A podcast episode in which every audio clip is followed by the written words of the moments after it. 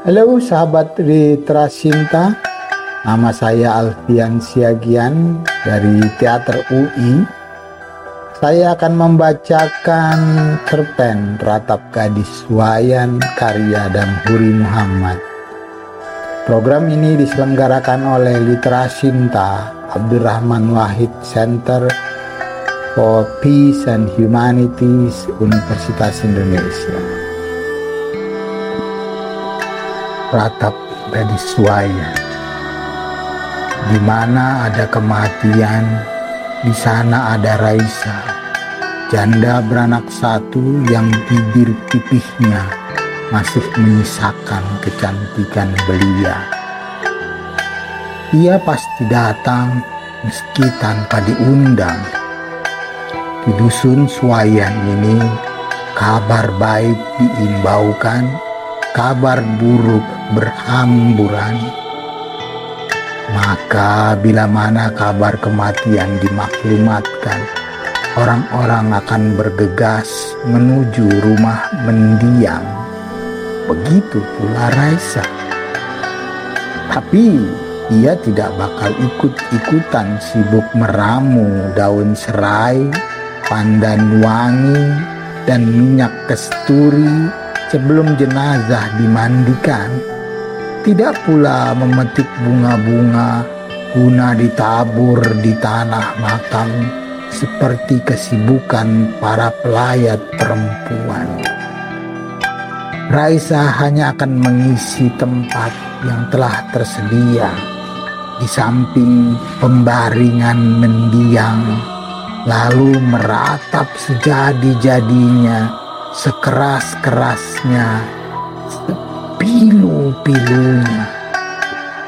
Duduk, berdiri, melonjak-lonjak, menghentak-hentakkan kaki, berputar-putar mengelilingi jenazah sambil terus menyebut-nyebut dan memuji tabiat baik mendiang selama hidup. Ada irama di suara tangisnya. Kadang seperti melantunkan sebuah nyanyian yang memiuh-miuh ulu hati. Lagu kematian itu serasi dengan entak kakinya. Ratapan, tarian, nyanyian bersekutu jadi satu. Remuknya perasaan tuan rumah tak mampu menandingi dalamnya kepiluan Raisa, tukang ratap yang telah mahir menanak risau itu. Mendengar ratapannya, mungkin Raisa lebih berduka ketimbang keluarga mendiang. Padahal ia bukan siapa-siapa. Hanya tukang ratap yang terbiasa mendulang perih rasa kehilangan di setiap kematian yang dijenguknya. Ada dua penyebab yang membuat orang-orang gampang mengingat dusun Suayan. Sebab pertama, perempuan parubaya bernama Raisa, tukang ratap itu. Namanya termasyur berkat kepiawaian meratap kerap ia dijemput antar oleh kerabat karib yang sedang tertimpa musibah kematian. Mereka datang dari dusun-dusun tak terduga guna memohon kematian itu diratapi. Bagi mereka, kematian kurang hikmat tanpa ratapan Raisa. Sebab kedua, Wayan gampang dikenang karena dusun itu pabrik jodoh. Bila Tuhan sedang bimbang untuk menjatuhkan pilihan perihal gadis mana yang bakal Tuhan persunting, barangkali tak ada salahnya Tuhan berkunjung ke Suayan. Bisa jadi Tuhan bakal abai dengan pilihan-pilihan Tuhan sebelumnya. Sebab di dusun Suaya Meminang perempuan dalam keadaan mata terpicing pun dijamin tidak salah pilih. Sembilan dari sepuluh laki-laki pencari jodoh yang datang ke Suayan berhasil menggondol pasangan. Kalaupun ada yang gagal, sebabnya pasti bukan pada pihak perempuan tapi karena pihak laki-laki tidak sanggup membayar uang pinangan yang terbilang mahal. Harga pinangan termurah untuk gadis suayan cukup untuk menebus empat bidang ladang yang tergadang. Konon hidup orang-orang suayan terselamatkan oleh pinangan demi pinangan memiliki anak perempuan di dusun Suayan seperti menyimpan celengan gemuk yang sewaktu-waktu bisa dibanting empaskan. Tentu setelah pinangan datang. Dan celakalah setiap keluarga yang tidak punya anak perempuan. Mereka terpuruk di kerak kemelaratan. Sejak dulu kecantikan gadis-gadis Suayan belum terkalahkan oleh perempuan-perempuan di dusun mana pun. Dusun Suayan memang bukan daerah subur, penghasil damar atau gambir, sebagaimana dusun-dusun lainnya. Tanahnya gersang, padi tak menjadi, hampa sebelum berbuah tapi Tuhan memberi anugerah dari pintu yang tak diduga-duga. Bayi-bayi perempuan selalu terlahir dengan kecantikan yang menakjubkan. Mereka tumbuh dan mendewasa menjadi gadis-gadis yang memiliki bibir pipih seperti bibir Raisa pipi merah merona, kulit mulus halus seperti kulit orang Jepang, hidung mancung seperti hidung orang Arab, postur tubuh tinggi, langsing, pintal seperti bintang film. Bila bintang film yang kerap mereka lihat di layar TV itu tampak anggun dan molek karena olesan bedak yang berlapis tujuh, maka kecantikan gadis-gadis swayan mukjizat yang jatuh dari langit, bawaan sejak rah dari rahim, tanpa olesan bedak dan lipstik pun wajah mereka sudah memancarkan aura kecantikan yang mencengangkan. Siapa tak tergiur Dusun Suayan seampal samsal hamparan ladang luas tempat bersitumbuhnya bunga-bunga anggun segala rupa. Tiada pernah langkas meski kumbang-kumbang datang silih berganti. Bagaimana Raisa? Sekarang atau tidak sama sekali? Desak Datuk Pucuk Penghulu, suku Pilawas, suku Raisa. Seorang lelaki datang hendak meminang Laila, anak gadis Raisa satu-satu. Tidak, biarkan dia melanjutkan sekolah. Angka Raisa tegas. Sekolah? Kau akan menguliakan Laila dengan upah meratap. Berapa banyak kematian harus kau tunggu? Terimalah binangan itu. Hidupnya bakal selamat dengan lelaki itu.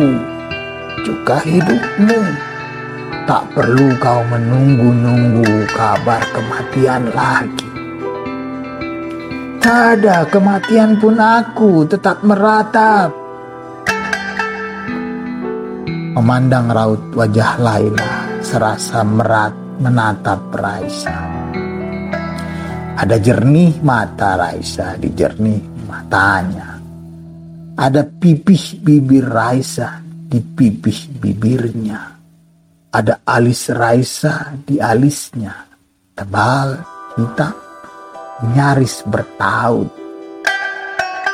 Tapi bakal adakah malang nasib Raisa di malang nasibnya? Raisa tak mau itu terjadi. Laila tak boleh kawin muda. Jangan sampai ia terbujuk godaan para pencari jodoh yang berhamburan ke desa ini seperti berhamburannya orang-orang selepas mendengar kabar kematian. Raisa tidak rela Laila hanya menjadi sebatang tebu yang disesap rasa manisnya setelah jadi ampas dicampakkan begitu saja seperti yang dialaminya di masa lalu. Waktu itu Raisa baru lulus Tanawiyah. Nurman meminangnya. Mentah-mentah ia menolak pinangan ganjil itu. Tapi siapa yang berani melawan kehendak Datuk Pucuk satu-satunya keluarga Raisa yang tersisa. Dengan berat hati ia mengubur segala impian. Rela ia diperistri Nurman, lelaki yang sebenarnya lebih patut menjadi ayahnya. Raisa, daun muda ketiga yang takluk di tangan Toke Damar itu dari gunjing yang berserak di dusun Suwayan ada kabar tak sedap dengan perjodohan itu Datuk Pucuk sesungguhnya tidak hendak menyelamatkan hidup Raisa kemenakannya itu tapi hendak menyelamatkan hidup anak bininya sendiri. Belakangan Raisa tahu adik kandung mendiang ibunya itu sedang terlilit utang dan ia membayarnya dengan menyerahkan Raisa pada Nurman. Hanya berselang beberapa bulan setelah kelahiran Laila, Nurman lagi-lagi memetik daun muda. Dipersuntingnya Bunaya, sahabat karib Raisa sewaktu bersekolah dulu tiada alasan yang absah saat Nurman meninggalkan Raisa. Barangkali hanya karena lelaki itu sudah hilang gairah sebab tubuh Raisa tak montok lagi. Ia sibuk mengurus anak, lupa merawat tubuhnya sendiri. Kabar terakhir yang didengar Raisa Suaminya pergi karena memang begitulah perjanjiannya dengan Datuk Pucuk. Ia sanggup membayar pinangan seharga dua ekor sapi jantan hanya untuk mencicip ranum tubuh Raisa. Utang-utang Datuk Pucuk lunas. Raisa punya anak, Nurman pergi dan kawin lagi. Sejak itu Raisa hidup sendiri, menghidupi anak tanpa suami. Laila yatim, meski ayahnya belum mati. Semasa bersekolah dulu Raisa bintang kasidah. Napasnya panjang, suaranya tinggi, nyaring. Bila tampil di panggung, Lengkung suaranya membuat para penonton melonjak-lonjak girang. Lebih-lebih kalau ia menyanyikan Ya Rabbi Barik. Tartilnya benar-benar seperti tartil orang Arab. Cengkok suaranya membuat penonton terenyak dan berdecak kagum. Tapi sejak menjadi istri orang, Nama Raisa seolah menguap. Tak pernah lagi ia tampil di atas panggung. Kalah bersaing dengan biduan-biduan muda yang bersuara dan penampilan mereka lebih cemerlang. Raisa kehilangan banyak hal. Empat ladang peninggalan orang tuanya dikuasai Datuk Pucuk, kehilangan suami, dan tentu saja kehilangan ranum tubuh. Masima sesepuh suku Pilawas merasa terpanggil untuk meringankan beban Raisa. Ia mewariskan kepandaian meratap pada janda muda itu. Setidaknya ia bisa membesarkan Laila dari upah meratap. Kau sudah punya syarat rukunnya Raisa. Akan lekas mahir Ujuk Maksima waktu itu. Aku sudah tua, kau penggantiku. Jadilah tukang ratap yang bisa menyelami lubuk kepilau kepiluan lebih dalam dari selaman keluarga mendiang. Bukankah kau sudah terlatih menanak risau? Setelah berhari-hari terkapar di tempat tidur, akhirnya lelaki itu meninggal juga. Tak ada yang tahu penyakit apa yang dideritanya. Belakangan ini ia kerap batuk-batuk kering. Tiga dari lima kali batuknya disertai muntah. Sebesar jeruk purut gumpalan darah keluar dari mulut. Susah ia tidur karena batuk-batuknya keras. Itu tak kunjung reda hingga tubuhnya terkulai tak bertenaga. Kencing dan berak dipacakannya saja di kasur. Bunaya istrinya sudah berkali-kali membujuk agar ia mau dibawa ke rumah sakit. Tapi ia menolak. Ini penyakit tua, takkan lama, rintihnya. Kini jenazah sudah dimandikan, sudah pula diyasinkan, disolatkan, tinggal menunggu waktu sebelum diusung ke pekuburan. Tapi sebagaimana kebiasaan orang-orang dusun suayan, kurang sempurna upacara kematian jika belum diratapi. Maka jenazahnya masih dibaringkan di ruang tengah rumah itu menunggu kedatangan Raisa si tukang ratap. Bagaimana mungkin Raisa meratapi orang yang telah membuat ia meratap seumur umur? Tanya Bunaya. Tak usah cemaskan soal itu. Bila kematian ini tak diratapi, apa kata orang nanti? Bujuk Wan Uncu, kakak laki-laki Bunaya. Raisa harus dijemput. Ia satu-satunya tukang ratap di dusun ini. Sejatinya Raisa tak pernah berdoa memohon kematian meskipun hidupnya sangat tergantung pada kematian. Untunglah hari ini datang juga kabar buruk itu. Ia akan meratap sebagaimana lazimnya beroleh upah lalu pulang. Meski yang akan diratapinya mendiang Nurman, bekas suaminya, lelaki yang telah menghancurkan hidupnya. Ada tak ada kematian, Raisa tetap meratap.